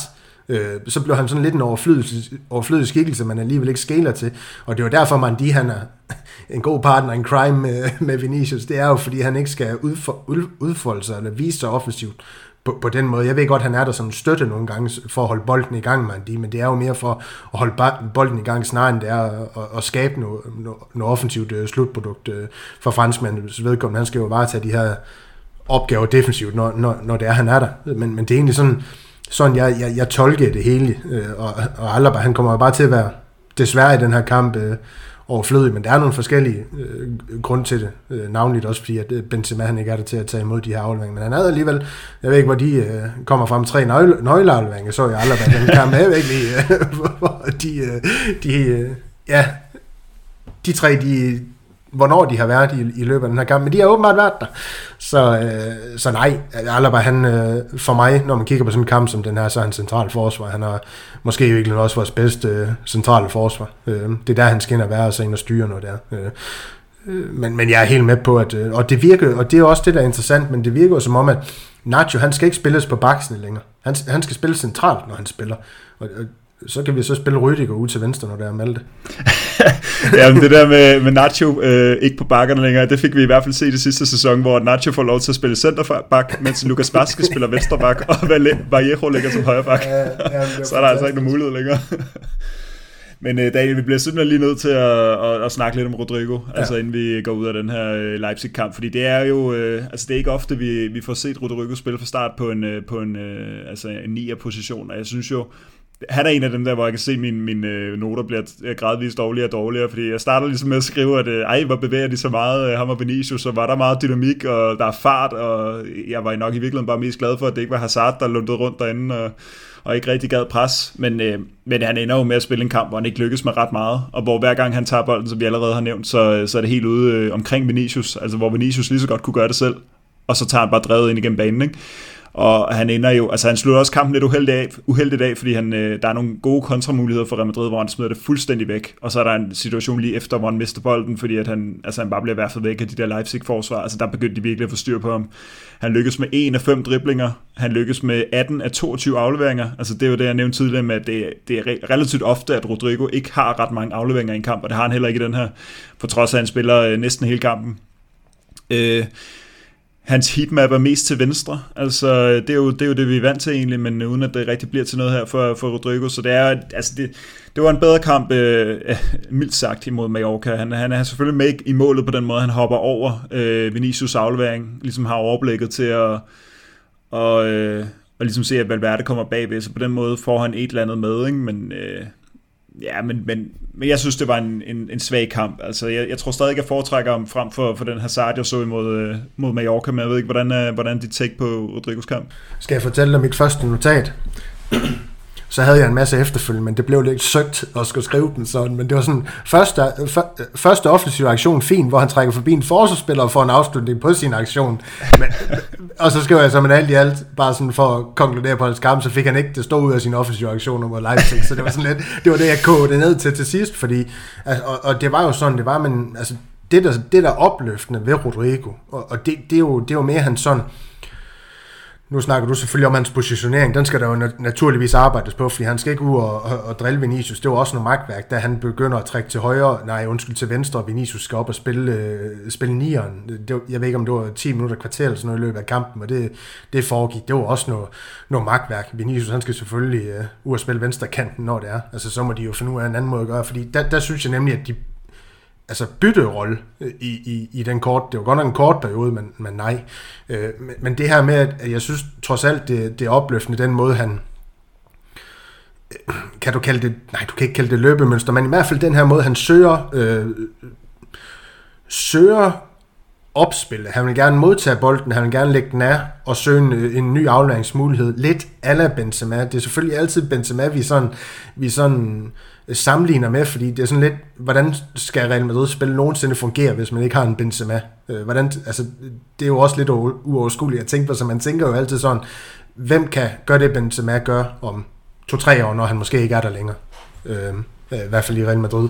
Og, og det er jo lidt det, man skal ind og kigge på. Jamen, er, er der tendenser i spillet til Rodrigo, han kan i sin udvikling arbejde derhen imod? Det synes jeg jo, der, hvis man skal være lidt flink, er Øhm, jeg siger ikke, at han fortolker den på fuldstændig samme måde som Benzema, det gør han ikke, og han mangler også noget, noget, noget fysik og noget højde og drøjde, for han overhovedet kan være den samme spillertype, så selvfølgelig skal han, skal han gøre tingene på en lidt anderledes måde, men, men, men alt i alt, så ja, han søger opspillet, han skal måske være lidt bedre til at, til at søge, øh, søge feltet, hvor jeg synes, han er, han er rigtig god til at finde de, de rette positioner, når han så, så er derinde, om det er bolde ved jorden, eller øh, i, i, i det lidt højere luftlag, der synes jeg egentlig, han er, han er ret undervurderet til, til de ting, han, han, han sådan helt generelt øh, laver derinde. Øhm, så, men, men nej, altså han spillede ikke nogen stor kamp overhovedet. Det var faktisk en, en, en dårlig kamp. Han var måske en af banens øh, faktisk dårligste spillere, Rodrigo, hvis vi skal være, være helt ærlige. Men, men så lad os da håbe, at han kan ja, lave om på det, når vi skal, skal videre til Atletico Madrid-kamp. Men hvad, hvad, var jeg, hvad var jeg kommet i tanke om? Jo, vi mangler jo sådan lige at få sat lidt ord på øh, målet altså Valverdes jubel. Den her, han havde jo, ja. altså, jeg, jeg, jeg ved ikke, så du det som et, så du, som, så du det som sådan lidt en provokation rettet mod Raum, fordi de havde jo lidt i løbet af kampen Raum også, der, jeg, han slog ikke, jeg så ikke det, som om han slog ud efter Valverde. Jeg så det ligesom, du ved, Valverde, han nogle gange jubler, når han har taklet en bold med ryggen ud over baglinjen, eller du ved, vundet en duel, så plejer de, øh, uh, forsvarsspilleren, der jubler over, at de vinder et indgreb, du ved, får den til hjørnespark, eller sådan et eller andet. Jeg så det lidt sådan for Raum, fordi ham og Valverde, de havde da ikke været i noget i løbet af kampen, hvor jeg tænker, Hvorfor skulle han gøre det, agtigt? Øh. Altså, jeg så det faktisk som om, at, øh, altså, som om han blev super Valverde. Det må jeg aldrig om. Det var sådan, jeg tolkede det. Hvorfor? Men jeg, det var bare jeg sådan har lidt... ingen anelse, og det virkede også som om Valverde var sådan, hvad fanden? ja, altså, sådan spiller her Valverde jo ikke nemlig, du blev Nej, sur på. ikke. Ej, det var meget, meget mærkeligt, og, øh, og øh, Rüdiger står også på sådan en øh, dødboldsituation lige et par minutter senere, der, der er en sjov nok op lige ved, ved Ravme og stå og skubbe til ja, ham, ikke? den lille ja. mand der. Så, ej, det var, det, var, det var godt nok mærkeligt. ja. Og, og nej, for at svare på det spørgsmål, jeg tolker det ikke som om, at altså, jeg tror bare, det var, altså Valverde, han går bare amok nogle gange. Altså, det er sådan, han kan godt juble sådan stille og roligt, når han scorer til 4-1 mod Celtic. Men hvis man kan huske det mål, som øh, jeg tror, det er Benzema scorer imod Valencia i, er det sidste sæson, eller er det sidste sæson igen? Jeg tror faktisk, det er under Zidane, hvor øh, Courtois får hættet på mål, Benzema scorer på returen i et sent, sent mål mod Valencia til 1-1, og hvor Valverde bare smider sig på jorden og knaller altså, hænderne imod græsset, sådan, som, en, altså, som om han er besat af en eller anden dæmon, eller sådan noget. Altså, det, det ser helt vildt ud, og alle Real Madrid-spillere noget jubler, og Valverde ligger helt, inde i, helt alene inde i Valencias øh, felt, med en masse Valencia-spillere rundt om sig, og jubler som en, som en besat. Og, og det er det samme, jeg ser her. Altså, han, han, han jubler bare, og han løber ikke ud til spillerne. Han, er, han har, det er også det, der er sjovt med Valverde, han virker jo ikke sådan som en, øh, på en eller anden måde, selvom han har, han har farvet sit hår hvidt, og, og, og sådan lidt, øh, men, men udover det, så synes jeg ikke, han virker som nogen sådan speciel, altså sådan, han virker ikke som den der sådan moderne, sådan lidt, den, den nye type af unge spillere, sådan de der sociale medietyper, eller hvad, hvad man skal sige. Lidt altså, han, ja. Ja, han virker lidt mere old det der med, han løber ikke ud og jubler, eller har en eller anden fancy dans, ligesom Rodrigo og, og Vinicius. Altså, han bliver bare stående inde i feltet, jubler som en sindssyg, kigger på sine holdkammerater. Rydiger kommer op og jubler, jubler så kigger han direkte på, øh, på Rydiger og jubler, og så først bagefter går det op for ham, hov ja, og så går han lidt ud og, og, og gestikulerer til, til tilskuerne. Altså, jeg, jeg synes, det er for fedt, den der reaktion, og jeg tror ikke, der var noget som helst provokerende. Jeg tror, det var ren glæde. Altså, han er for vild, hvad det er. Han er virkelig, og det er fedt at se det der vinder, vinder genium. Jeg tror at han er en type, der bliver manges øh, yndlingsspiller. Han er i hvert fald ja. en type, der, der bevæger sig op i min personlige top 3 på det her Real Madrid-hold. Det er, det er der ikke nogen som helst tvivl om. Men jeg kunne godt lige tænke mig at, at lige vende ham, der så får scoret det, det sidste mål, eller ikke ham, Asensio, der får scoret Real Madrids øh, mål til, til 2-0 i, øh, i det, der må blive en overtid. Kroos for, for lagt den tilbage. Øh, en lidt sådan ja, svær bold i virkeligheden, der, der hopper lidt, men, men Asensio, han har jo det her rigtig frække venstreben, der, kan, der nogle gange kan gøre underværker på en, på en fodboldbane. Det gjorde det så her, hvor han jo flot for, for den sat i, sat i mål. Niklas, han var lidt efter ham i sin nedtakt efter Mallorca-kampen, Asensio for sin opførsel på bænken. Der var vist noget med, der blev smidt med nogle ting fra Asensios mm. side. Han, han så lidt øh, fornærmet ud over, at han ikke øh, kom på banen, men det gjorde han så her. Carlo, han havde jo sagt, at, øh, eller hvad, hvad kalder man sådan noget, i hvert fald Øh, Øh, jo, han havde jo givet udtryk for, at øh, Asensio han øh, skulle få øh, spilletid i, i den her kamp, og det fik han jo så en halv time. Hvordan synes du, han forvalgte de 30 minutter, han havde på, på banen mod Leipzig? Ja, først og fremmest så synes jeg, det er sjovt det her med, det er som om øh, Asensio, det, der, der er virkelig sket noget hen over sommeren med kritikken af ham. Altså jeg tror, jeg kommer til at, at dømme ud fra, hvad der bliver sagt om ham, så tror jeg, jeg kommer til at være den positive, positive stemt over for Asensio i den her sæson. Øh, jeg vil sige, øh, altså det var ikke sindssygt meget, han får noget at lave ud over det der mål der selvfølgelig, men han har altså lige nogle, øh, nogle situationer, hvor han er, altså hvor han virkelig viser, at han, øh, han, han er nede og forsvarer sig. Altså to gange er han nede i sådan en glidende tackling helt nede bagerst øh, øh i Real Madrids bagkæde og, og får blokeret en, øh, en Leipzig-chance. Jeg synes også, det var lidt, det var lidt hård kost, den måde... Øh, øh, Jesper han får vurderet den chance, han får skudt over mål, øh, fordi Asensio har jo den der, som man nok kan huske, hvor han får den luppet over mål på sådan, altså sådan helt, øh, altså hvad laver du? Øh, fordi selv hvis du rammer kassen, så står der fire Leipzig-spillere klar til at hætte den væk, altså det, går, ald- det kommer aldrig til at gå, det der jo. Men øh, det, hele den situation starter altså med, at det er Asensio, der er nede og, øh, og forsvarer, og går en glidende tackling, øh, og faktisk på et ret vigtigt tidspunkt, som jeg lige husker det, var der en Leipzig-spiller, der var klar til at få den helt ud på kanten, men så kommer han i vejen og får den øh, taklet væk. Og så øh, er der bare kontra til Real Madrid, og så er han selv op og afslutte på den efter noget øh, klumpspil med Valverde og Vinicius. Dårligt afsluttet, ja ja, men, øh, men fed attitude for enden, og så, så ved jeg godt, så problemet med Asensio er jo, at så, så har han en kamp, hvor han skal vise sig frem, og han skal slå igen efter, at øh, der var noget kritik af ham, og han var sur på bænken og, og alt det der, og så hvis han spiller fem kampe i streg, så, så ser vi nok ikke det der tilbageløb. Det er jo det, der er med ham desværre. Han, der er, altså de der, de der nykker, stjernenykker, de er, de er der jo nok lidt for ham, og og øh, vi har også sagt det tidligere på den her podcast, øh, at han nok i virkeligheden selv tror, han er lidt bedre, end han egentlig er. Øh, altså et eller andet sted. Altså han forstår nok ikke, at han ikke bare spiller hver gang. Det, det, det er sådan lidt, jeg tolker det, men, men når det kører for ham, så, øh, så er han elegant, synes jeg. Og øh, jeg har en svaghed for, for elegante spillere med noget attitude, det må jeg sige. Øh, og, øh, og det der venstreben, altså slutproduktet, det, det er ikke verdens vigtigste mål at score til 2-0 mod Leipzig i, i det 90. minut, men på den anden side, der er indbyrdes opgør i, i Champions League, og øh, vi har et, øh, hvis bare vi taber med et mål mod Leipzig, så, så ligger vi stadig foran i det indbyrdes. Øh, selvfølgelig taber vi ikke til dem, men, men det er ikke helt ligegyldigt mål. Altså, vi, nogle gange bliver klandret for at score tre mod Mallorca, og så score et enkelt øh, til 4-1 mod et eller andet Elche eller Eberhold eller sådan noget, men det var da et okay hold på en stor scene det her, og så, øh, så klapper han ud til tilskuerne, ikke? Så altså, jeg, jeg tror bare, jeg er mindre negativt stemt over for Asensio sådan helt generelt, og øh, han er der en, øh, altså vi har hele tiden snakket om, hvis han, hvis han kan hvis han kan finde sig til rette i en rolle, hvor han ikke får spilletid hele tiden, så er han en rigtig, rigtig, rigtig god breddespiller at have. Altså meget bedre end sådan noget Mariano og Hazard i virkeligheden også, og Udrio Sola og Vallejo. Altså han er jo mange niveauer over det der. Problemet er bare, om han kan finde sig til rette i den rolle der. Det ved jeg så ikke.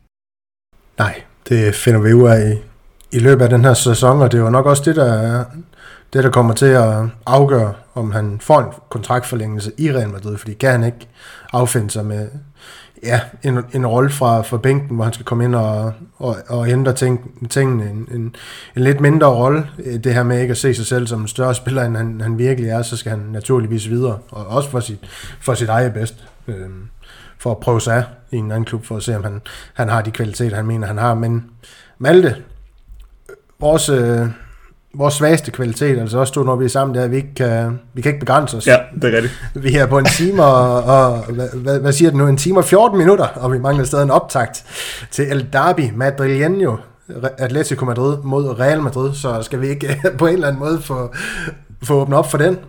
Øhm, jeg har lagt lidt op til, at jeg, jeg personligt godt kunne, kunne tænke mig, mig at høre om, bare sådan indledningsvis, dit forhold til det her El Derby. Øhm, altså, hvor højt du måske vægter det her opgør i løbet af sådan en kalenderår for Real Madrid, øh, og er det helt deroppe, hvor man, hvor man måske snakker El Clasico for, for dit vedkommende?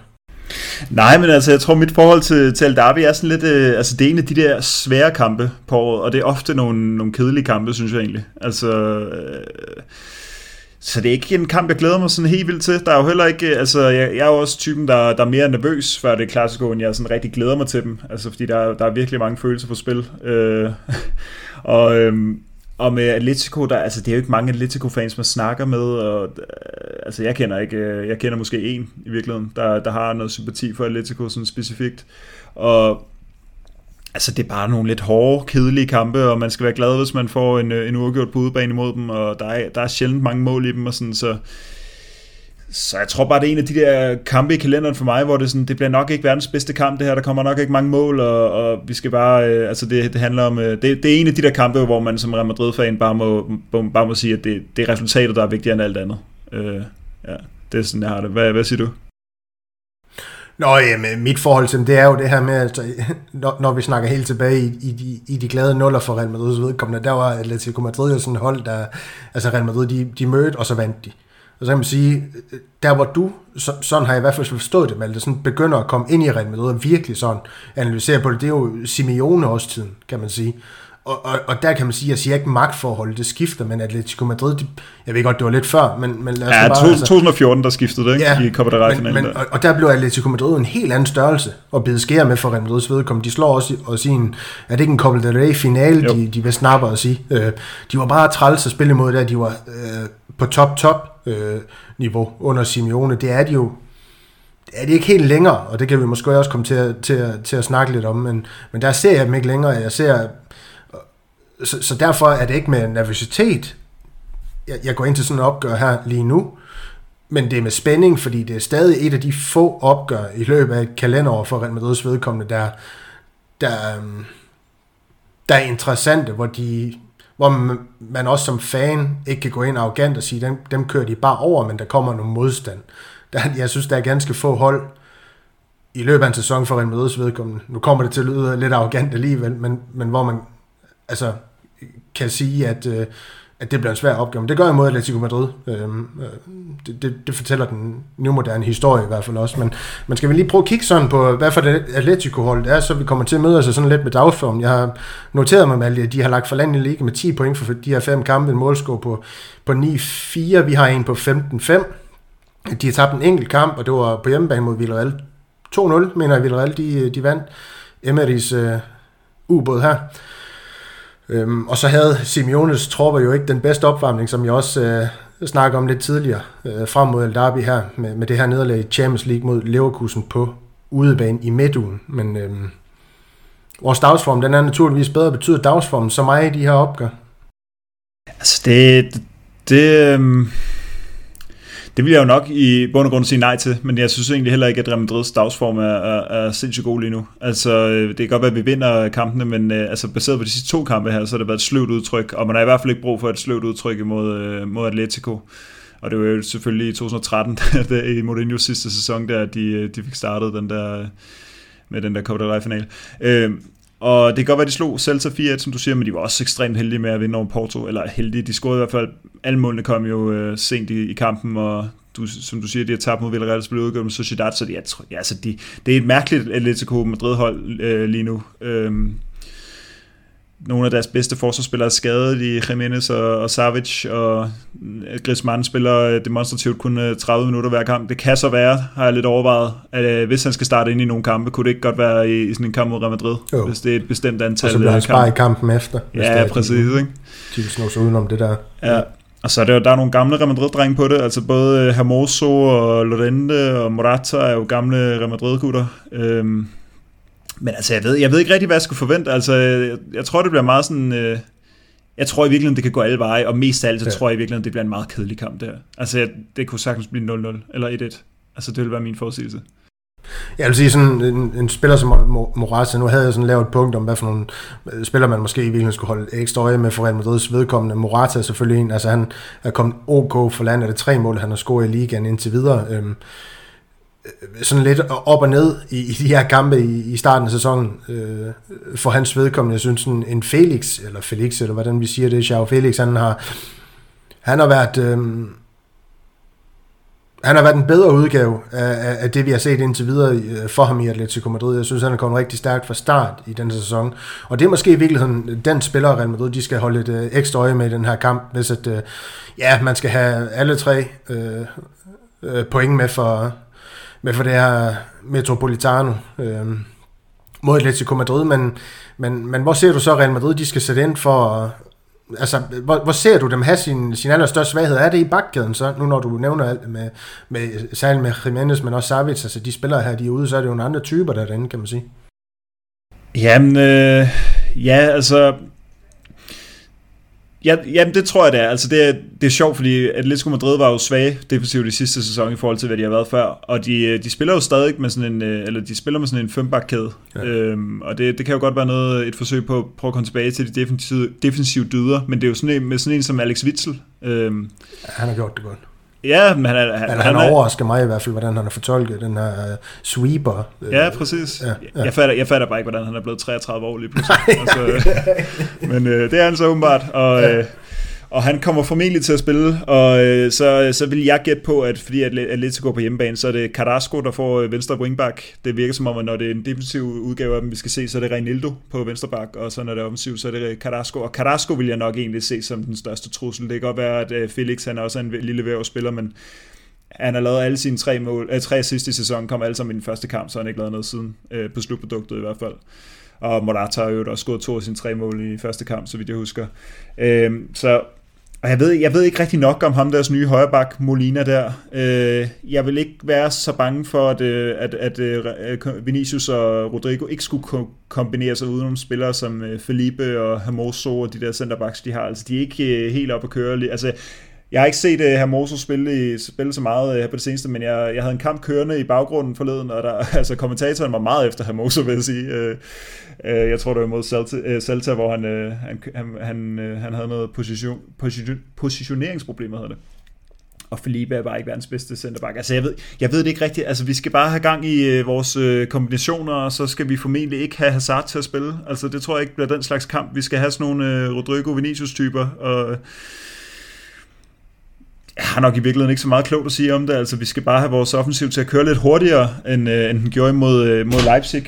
Og så øh, håber at vi kan kombinere os igennem. Ja, hvis der er noget, øh, Vinicius og Rodrigo de kan levere, så er det i hvert fald hurtighed. Men, men jeg synes jo alligevel, for jeg synes jo egentlig, at, at der fik jeg også sagt, synes jeg, en del gange. Men, men Onset de Gala, den giver sig selv lidt. Gør den ikke det sådan en kamp? Altså, det er Courtois, det er Cavaral, det er Mandi på, på Bax, det er Alaba, så kan vi sige, bliver Militao klar eller ikke? Hvis han ikke gør, så er det Rüdiger naturligvis, så er det Tchouameni, det er Modric, så Gros formoder jeg, der kommer til at spille øh, trækløver på midtbanen. Valverde skal der ind, Vinicius, og så er det den her nier, jeg har lagt op til, der kunne være til debat, men du, du går med Rodrigo, ikke Modric,